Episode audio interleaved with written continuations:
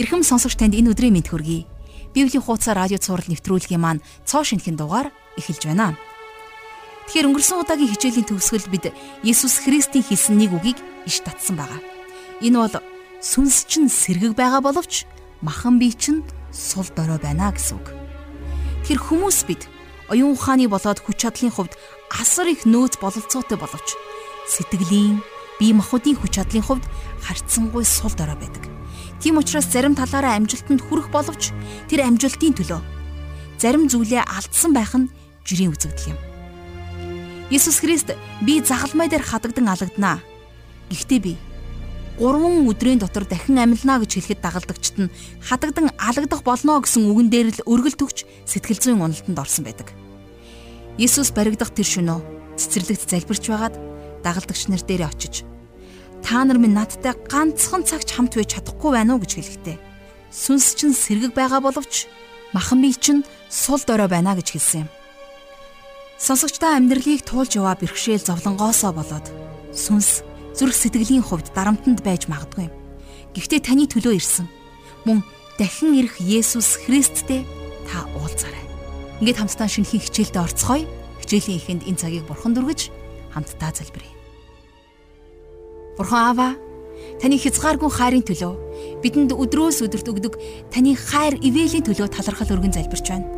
Эзэн минь ээ, таны хайр үнэхээр мандах нар шиг байдаг.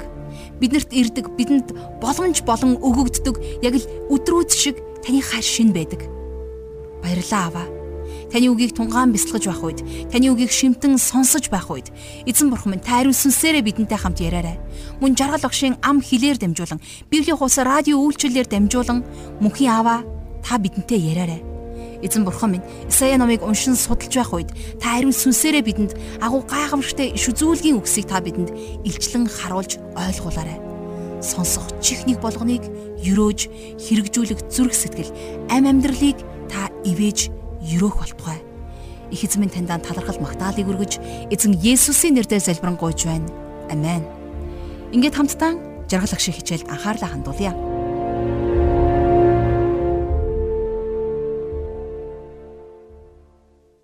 За Исая номын судлалынхаа өнөөдрийн хичээлээр хамтдаа хоёр бүлгийг буюу за 61-ээс 62 дугаар бүлгийг судалж гүцэнэ. Тэгэхээр эзэн Есүс өөрийнхөө үйлчлэлийг эхлэхдээ Исаи номын 61-р бүлгээс иш татсан байдаг учраас за номын энэ хэсэг судлаачдын анхаарлыг маш ихээр татдаг юм. За ингээд хамтдаа 61-р бүлгийн 1-ээс 2 дугаар ишлэлээр өнөөдрийнхөө хичээлийг эхлүүлье. Над дээр эзэн бурхны сүнс байна. Учир нь зовгсдод сайн мэдээ хүргэж, шаналсан зүрхтэйг нь эдгэн, олзлогдохсдод эрх чөлөөг тунхаглаж, хүлээстэй хүмүүсийг чөлөөлөхийн тулд намайг эзэн тосолсон юм. Намайг тэр илгээсэн юм. Мөн эзний тааламжид жил Бурхны маань өшөө авах өдрийг тунхаглан бүх гашуудагчийг тайвшруулан гэж энэ бүлэг эхэлж байна. За тэгэхээр энэ ишлэл дээрээс бид нэр Библийн тайлбар яаж авдаг вэ гэдгийг тодорхой харах боломжтой. За жишээлх юм бол хэрвээ бид шин гэрээг мэдэхгүйгээр энэ ишлэлийг унших юм бол энд яг хэний тухай ярьж байгааг мэдэх боломжгүй байна, тийм ээ? За над дээр Бурхны сүнс байна гэж хэн хилээд байна вэ гэдгийг мэдэх аргагүй гэсэн үг. А хэрвээ ингэж хэлж байгаа хүн нь Есүс Христ юм бол энэ нь түүний анхны эрэлттэй холбоотой үгсүү а эсвэл дахин эрэлттэй холбоотой үгсүү. Харин шинэ гэрэн дээрээс бид нар энэ ишлэлийг бурхан өөрөө яаж тайлж байгааг харах боломжтой болсон байна. За юу вэ гэхлээр эзэн Есүс төрлөх Назар хотынхон синагогт ороод яг энэ хэсгээс иш татан уншсан байдаг. За яг энэ түүхийг би Лук номын 4-р бүлгээс одоо танд уншиж өгье. Есүс өөрийн өссөн хот Назарт ирж заншсан ёсороо амралтын өдөр синагогт орж бичвэрээс уншихаар боллоо. Түүнд иш үзүүлэгч Исаигийн номыг өргөн барив. Есүс номыг нээн доор бичигдсэн хэсгийг олоод над дээр эзний сүнс байна. Учир нь ядуус сайн мэдээг хүргэхийн тулд намайг эзэн тосолсон юм.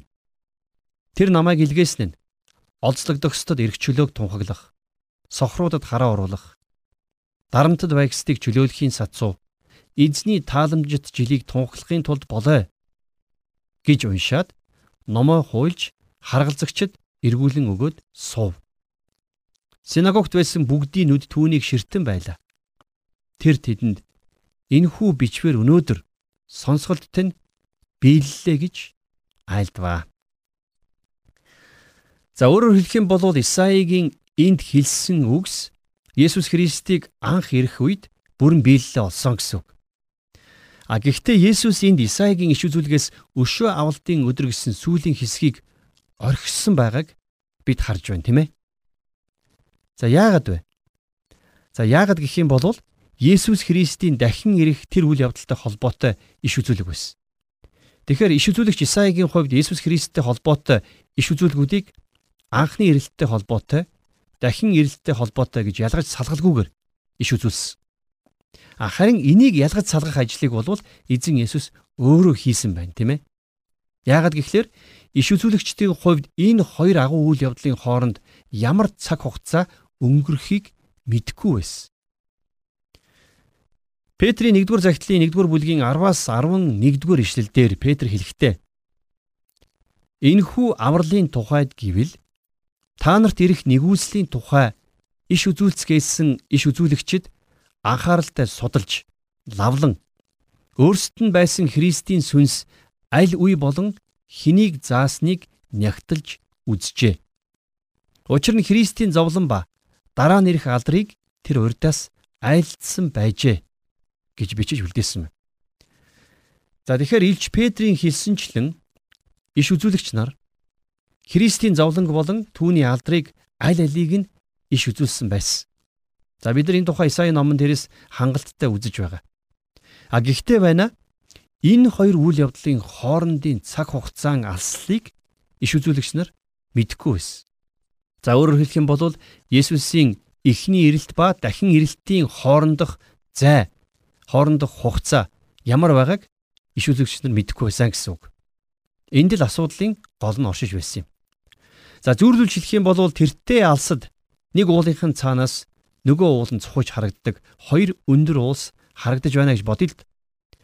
За бидний байгаа газараас тэрхүү алсын хоёр уулсыг харахад яг л нэг дор байгаа хоёр уулс шиг харагдана. А гэхдээ энэ хоёр уулын хооронд яг ямар зай байгааг бид нар эхний уулан дээр очихоос нааш мэдэх арга байхгүй. За тэгвэл яг энэнтэй адилаар иш үзүүлэгч хүн ирээдүйд болох үйл явдлыг өөрийн оршин байгаа цаг хугацаанаас л харна. За түүний хувьд бол Христийн анхны болон дахин ирэлт хоёулаа харагдана гэсэн үг. Магадгүй Исая үүнээс болоод баг зэрэг толгой нэргсэн ч үж магадгүй. Бурхан шаналсан зүрхтэй хүмүүсийг тайвшруулж олзлогдохсдод эрх чөлөөг тунхлахын хажуугаар А яаж эзний шүүлтийн өдрийг тунхлах юм бэ гэдгийг магадгүй яг тэр үед Исая сайн ойлгохгүй байсан ч үж магадгүй. А харин хэрвээ өнөөдрийн бидний байгаа яг энэ газарт Исая ирээд зогсох юм бол энэ үйл явдлыг магад маш сайн ойлгоно. Яагаад гэвэл бид нар Есүс Христийн анхны ирэлт болон дахин ирэлт хоёрын хооронд зогсож байгаа хүмүүс шүү дээ. За зөвлөлж хэлэх юм бол өнөө хоёр уулын дунд зогсож байгаа гэсэн үг. Бид нар өнгөрсөн цаг үеийг харахтаа Есүс Христ та бидний төлөө ирж амиа өгөн. За яг Исаигийн 53 дугаар бүлэг дээрх иш үзүүлгийг биелүүлсэн гэдгийг тодорхой ойлгон харж чадна. А харин ирээдүйд хизээ нэгэн цагт Есүс Христ дахин энэ дэлхий дээр ирэх болно. Харин түүнийг дахин ирэхээс өмнө чуулган энэ дэлхийгээс өргөгдөн одох болно тийм ээ. За тэгээд Иохны 14-р бүлгийн 3-р эшлэлдэр Есүс хэлэхдээ би явж та нарт орон байр бэлдчихвэл дахин ирж та нарыг өөртөө авна. Би хаана байна? Та нар мөн тэнд байх болно гэж их тодорхой хэлсэн байдаг. За тэгэхээр Исаигийн хэлсэн эзний тааламжид жил Бурхны маань өшөө авах өдрийг тунхаглана гэж хэлсэн байгаа тийм ээ. Тэгэхээр Есүс Христ өөрийн хаанчлалыг байгуулахаар энэ дэлхийд дахин ирэх тэр өдөр болвол өшөө авалтын өдөр байх болно гэдгийг энд тодорхой хэлсэн байна. Бид нар энэхүү өшөө авалтын тухай Исаи номын 63 дугаар бүлгийг үзэхдээ илүү дэлгэрэнгүй судлах болно. За энд бол товчхондоо хэлэхэд Бурхны уур хилэнг усан үзмийн шахуургатай зөөрлсөн байна. Хэдийгээр энэ нь аимшигтэй ч гэсэн Бурхан энийг гарцаагүй хийн. энэ дэлхий дээр хорон муу бүхнийг бурхан таслан зогсооно. Энэ орчлын ертөнц одоо ч бурхны удирдлага хяналтанд ор байгаа гэдгийг бид мартаж болохгүй. Есүс Христ бол хаан. Тэр цаг нь болоход дахин ирж энэ дэлхий дээр шудраг шүүлтийг хэрэгжүүлнэ. Тэр өдөр бол бурхны хувьд өшөө авалтын өдөр байх болно гэсэн үг. За үргэлжлүүлээ 61-р бүлгийнхээ 3-р ишлэлийг уншийе. Сионд гашуудагстад үнсний оронд гоёл чимгийг гашуудлын оронд баяр хөөрийн тосыг гасланд сүнсний оронд магтаалын хувцс сөхийг тогтоохын тулд бөгөөд түүнийг алдаршуулахаар тэднийг зөвхт байдлын царснууд эзний суулгац гэж нэрлэхийн тулд болоо. За дээр өгүүлсэн байгаа эзний буюу бурхны аимшигтай шүүлтийн дараагаар за Христийн мянган жилийн хаанчлалын ивэл, ёроол, амар тайван биднийг хүлээж байгаа гэдгийг энд тодорхой бичсэн байна. За энэ тухай 63 дугаар бүлэг дээр илүү тодорхой байгаа. За тэр цаг ирэхэд үнс болон гашуудлын оронд гоёл чимэг болон баяр хөөргийг өгөх болно гэдгийг Исая дээр шүлгэлэг хэлсэн байна, тийм ээ. За цааш нь 4 дугаар ишлэлдэр тэд эртний балгасуудыг сэргээн босгож, урдын сүрлүүдийг янзалж, үеийн үед сүрсэн хотуудыг шинчлэн гэсэн байна. За эндээс харах юм бол бурхан тэр цагт Израилийг дахин сэргээж газар нутагт нь тэднийг эргүүлэн авчрах болно гэсэн иш үзүүлгийн энэ үгсийг Исая энд бичиж үлдээжээ. Харин зарим хүмүүс болохоор одоогийн Израиль энэ иш үзүүлгийн биелэл гэж үздэг. А би хувьдаа бол энэ иш үзүүлэг алс ирээдүйд биелэх болно гэж итгэдэг. 6 дугаар эшлэл дээр харь хүмүүс босож та нарын сүргийг хариулж Харийн хөвгүүд та нарын тариаланч усан үзэмчд чинь болцгооно. Харин та нар эзний тахилч нар Бурхны маань үйлчлэгчд гэж нэрлэгдэн үндэстнүүдийн эд баялагийг идэж алдраар нь сайрхах болно. За Бурхны мянган жилийн хаанчлал эхлэх тэр үед болвол Израильчууд бүх үндэстнүүдийн тундах тахилчийн үйлчлэлийг хийх болно. Бурхан уг нь анханасаа Израилийг бүхлээр нь энэ дэлхийн бүх улс үндэстнүүд дундах тахилчид байлгахаар төлөвлөсөн байсан. За энэний баталгаа болгож гитлэл номын 19 дэх бүлгийн 6 дугаар ишлэлийг харах ёстой. Энд дээр ингэж бичсэн байна. Та нар надад тахилчдын хаан тулс ариун үндэстэн болох болно. Энэ үгсийг чи Израилийн хөвгүүдэд хэл гэв. За харамсалтай энэ гим нүгэл. За өөрсдийнхөө дуулуургүй байдлаасаа болоод Израильчууд тахилч нарын хаан тулс болж чадаагүй. Харин хожим нь мянган жилийн хаанчлал ирэхэд бурхны энэ төлөвлөгөө гарцаагүй биелэлээ олох болно. 7 дугаар ишлэл. Ичгүүрийн оронд та нарт хоёр дахин их байна. Доромжллын оронд тэд хувь ногдолдоо баярлна. Тиймээс тэд газартаа хоёр дахин ихийг эзэмшин мөнхийн баяр баясгалан тэднийх болно. За өөрөөр хэлэх юм бол Израильчуудад бурхан үрдийн баяр хөөргийг өгөх болно гэсэн үг. Тэр өдөр бол үнэхээр гайхамшигтай баяр хөөрийн өдөр байх болно. 9 дугаар ишлэлдэр учир нь эзэн би шудраг эсийг хайрлаж хүчээр дээрэмдхийг үзен яддаг. Би хариу шагналыг нь үннээр өгнө. Би тэдэнтэй мөнхийн гэрээ байгуулна. Тэгэхэд үр удам нь үндэстнүүдийн дотор хойч үеийн хүмүүсийн дунд танигдана. Тэд эзний ерөөсөн үр удам гэдгийг харсан бүгд нь мэдэх болно. За тэр цаг үе ирэхэд бурхан Израильчуудыг сэргээж А тэгээд Израильчууд ч гэсэн жинхэнэ утгаараа Бурхныг гэрчлэгч нар болох юм байна. Харамсалтай нь өнөөдөр Израильчууд Бурхны гэрчнэр байх нь битгий хэл Бурхнаас нүүр буруулан амьдарч байгаа. Тэр бүхэл чуулганч Бурхныг тэр бүр гэрчлэн алдаршуулж чадахгүй байна.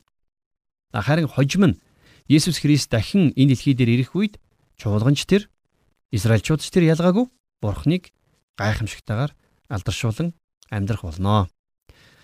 10 дугаар ишлэлдэр би эзний дотор ихэд багтан сэтгэл минь миний бурханд баярлна. Сүд залуу цэцгийн хилхээгээр чимж сүд бүсгүй үнэт чулуугаар гойдог шиг тэр намайг авралын хувцсаар хувцлаж зөвхт байдлын нөмөргөөр бүтээв. Та бид нар бурхны хаанчлалд бүрэн баяр хөөрөөр орох болно. Үнэхээр Бурхны оршихуй бидэнд баяр хөөргийг өгдөг. Өнөөдөр бид нар цуглаандаа явахдаа итгэгч нарын цуглаанд очихдоо ийм баяр хөөртэйгээр явдаг байвал ямар сайхан бэ? Библи судлахтаа ч гэсэн бид нэр баяр хөөртэй байх ёстой. Яагаад гэвэл Бурхныг таньж мэдэх нь бидний хувьд өндөр баяр хөөр юм, тийм ээ? За Исая бичсэн байна. Сүд бүсгүй үнэт чулуугаар гойдог шиг тэр намайг авралын хувцсаар хувцлаж зөвхт байдлын нөмөргөөр бүтээв гэж. Тэгэхээр Бурхан итгэгч биднийг зөвхт байдлаар хувцлаж баяр хөөргийг дүүргэн өгдөг. Харамсалтай нь маш олон итгэгчид өнөөдөр итгэлийн амьдралдаа баяр хөөртэй амьдрч чадахгүй байна. Яагаад гэвэл тэд бурхантай нөхөрлөх нөхөрлөлөө гим нүглэр сэвтүүлсэн байдаг. Бид нар бурхны хүслийг орхиж, огоорч, өөрийнхөө хүслээр явх үедээ бурхантай нөхөрлөх нөхөрлөлөө сэвтүүлж байдгаа гэсэн үг.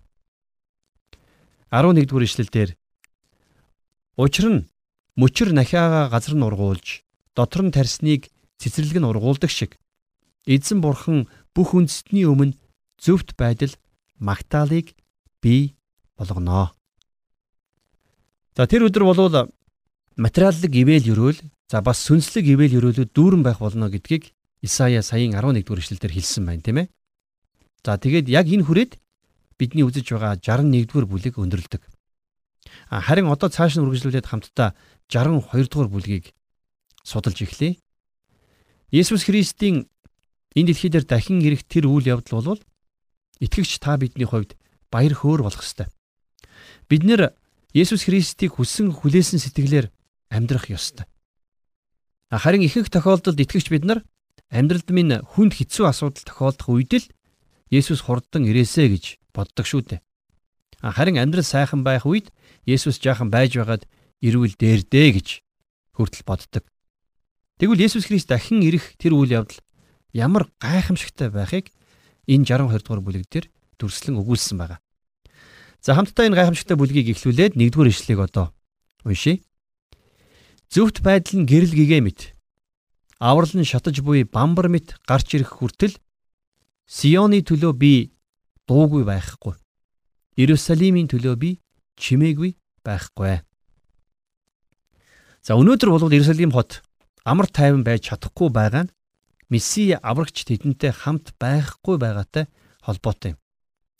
Есүс Христ одоо Бурхан эцгийнхээ баруун гарт заларсан байгаа. Тэгэхээр нэгэн цагт ариун хот гэгдэж байсан энэ хотод одоо ариун зүйл маш бага болсон. Харин хожим нь Есүс Христ дахин ирэх үед энэ хотыг ариун хот болгож Есүс Христ газар дэлхийг шударгаар захирах болно. За тэр цагт энэ дэлхий дээр жинхэнэ амар тайван тогтноо.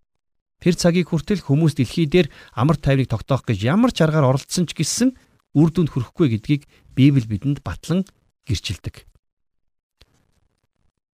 За 62 дугаар бүлгийн 2 дугаар ишлэлдэр үндэстнүүд зөвхт байдлыг чинь хамаг хаад алдрыг чинь үзнэ. Эзний амаар нэрлсэн шин нэрээр чамайг дуудана. За тэр сэргэлтийн үед бурхан биднэрт шин нэр, шин зүрх, шин бие, шин дэлхий, шин тэнгэрийг өгнө. Та бидний хуучин гим нүгэлтэй байдал үгүй болж Бурхан та биднийг цоо шин бүтээлүүд болгох болно гэсэн үг. 3 дугаар ишлэлдэр чи эзний мутардах үзэгсэлэнд тэтэм. Бурхныхаа мутардах хааны толгойн өмсгөл болно. За тэгэхээр эндээс харах юм бол Бурхан та бидэнд бас цоо шин байр суурийг өгөх болно гэдгийг ойлгох боломжтой байна. Дөрөвдүгээр ишлэлдэр цаашид чамайг мартагдсан гэж газрыг чинь эзгүй зилүүд гэж хэлэхгүй. Харин чамайг түүний доторх миний баяр хөөргээд газрыг чинь гэрэлсэн гэж дуудах болно. Учир нь эзэн чамайг таалж газар чинь гэрлэх болно. За Есүс Христийг загалмай цовдлсноос хойш Израиль мартагдсан үндэстэн болсон. Газар нутгийн ч эзгүй зилүүд цөлөрхөг нутаг болж хувирсан. Харин хожим нь бурхан энэ газар нутгийг сэргээж тэр газрыг баяр хөөрөөр дүүргэх болно гэж энд иш үзүүлгээрээ амласан байна тийм ээ. 5 дугаар ишлэл дээр залуу хүн онгон охинтой гэрэлдэг шиг хөвгүүд чинь чамтай гэрлэнэ. Сүд залуу сүд бүсгүйдээ баярладаг шиг бурхан чинь чамд баярлнаа.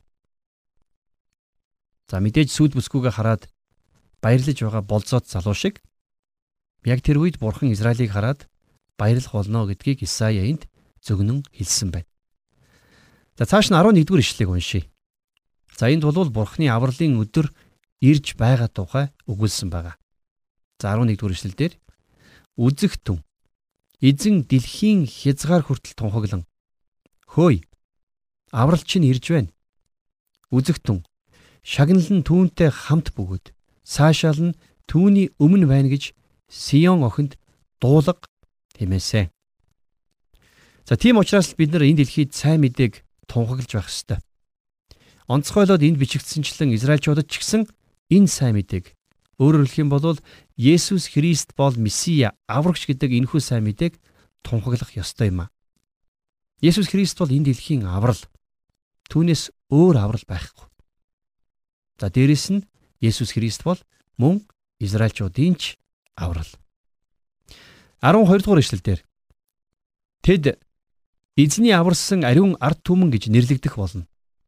Чи хаягдаагүй олдсон хот гэж нэрлэгдэнэ. Үнэн дээр бол өнөөдрийн байдлаар Израильчуудыг бид нар ариун ард түмэн гэж нэрлэх боломжгүй. Яагад гэвэл тэд нар Бурхны авралыг за тухайлах юм бол Есүс Христийг өөрсдийн аврагчаа гэж Израильчууд хүлээн зөвшөөрөөгүй. Тэгэхээр энэ утгаараа Иерусалимч гэсэн хаягдсан хот болсон. А гэхдээ байна. Хожим нь Есүс Христийг энэ дэлхий дээр дахин ирэх үед Исаигийн энд хэлсэн бүх иш үзүүлэг үгнүүд биелэлээ олох болно.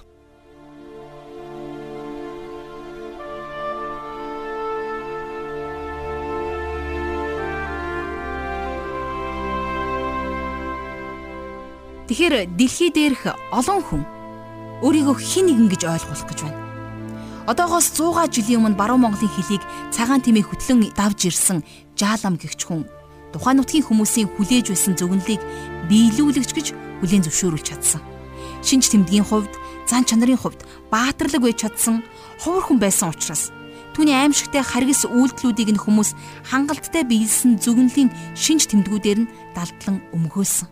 Гэхдээ хэдэн жилийн дараа төр засгаас түүнийг устгахаас өөр арга зам байхгүйсэн. Чухам яагаад энэ бүхнийг ярьж байна гэхээр Бурхан хизээж биднийг орхилгүйгээр өөрийн хүмүүсийг илгээсээр байдаг. Харин тэд бидний хүсж байгаа зүйлийг биелүүлэхээр биш. Ярихыг ч хүсэхгүй байгаа зүйлийг, магадгүй сөхөхийг ч хүсэхгүй байгаа нууцыг Бурханы үг сургаалаар шийтгэр ирсэн. Тийм учраас Есүс өөрийгөө зөвнөлийн биелэл болох Месая гэдгийг маш олон зүйлээр батлан хэлсэн ч гэсэн бас гэрчилж амьдарсан ч гэсэн харамсалтай нь хүмүүс итгээгүй. Харин өнөөдрийн хичээлийн төгсгөлд итгэн хүлээн авсан ард түмний хувьд бурхан газар нутгийг нь хэрхэн эдгэж ард түмнийг хэрхэн ариун гэж дуудах болсныг хамтдаа суралцлаа. Өнөөдрийн хичээл үнэхээр гайхамшигтай байлаа. Өнөөдрийг хүртэл мадгүй таныг хэн гэж дуулдаг байсныг мэдэхгүй ч гэсэн харин бурхан таныг өөрийнхөө ард түмний нэг хэсэг гэж дуудахад бэлэн байгаа. Хамтдаа залбирая. Бурхан эзэн минь, таньда өнөөдрийн төлөө, өнөөдрийн үгийн төлөө хязгааргүй талгархал магтаалыг өргөн залбирч байна. Эзэн, та биднийг нэг хэсгэн шүү гэж дуудсанд баярлалаа. Та тийхүү тооцож, та бидэнд өв залгамжлалыг, өв хөрөнгийг шилжүүлэн өгсөнд та бидэнд найдвартай туслагч, ариун сүнсийг өгсөнд баярлалаа Есүс. Эзэн энэ дэлхий дээр бидэрч төөрөх хонин сүрэг шиг орхилгүйгээр харин эзэн минь үргэлж замчилт чиглүүлэх хүчийг та бидэнд илгээсэнд баярлаа аваа. Мөнхийн эзэн минь таны үг сургаалыг сонсож зөвхөн сонсоод өнгөрөх биш амь амьдралдаа хэрэгжүүлэн бусдад хуваалцан тунхаглаж зааж чиглүүлэхэд та биднийг ашиглаарай. Эзэн бурхан минь таньда бүх алдар магтаалыг өргөж бидний аврагч эзэн Есүс Христийн нэрээр залбирanгуйч байна. Амен.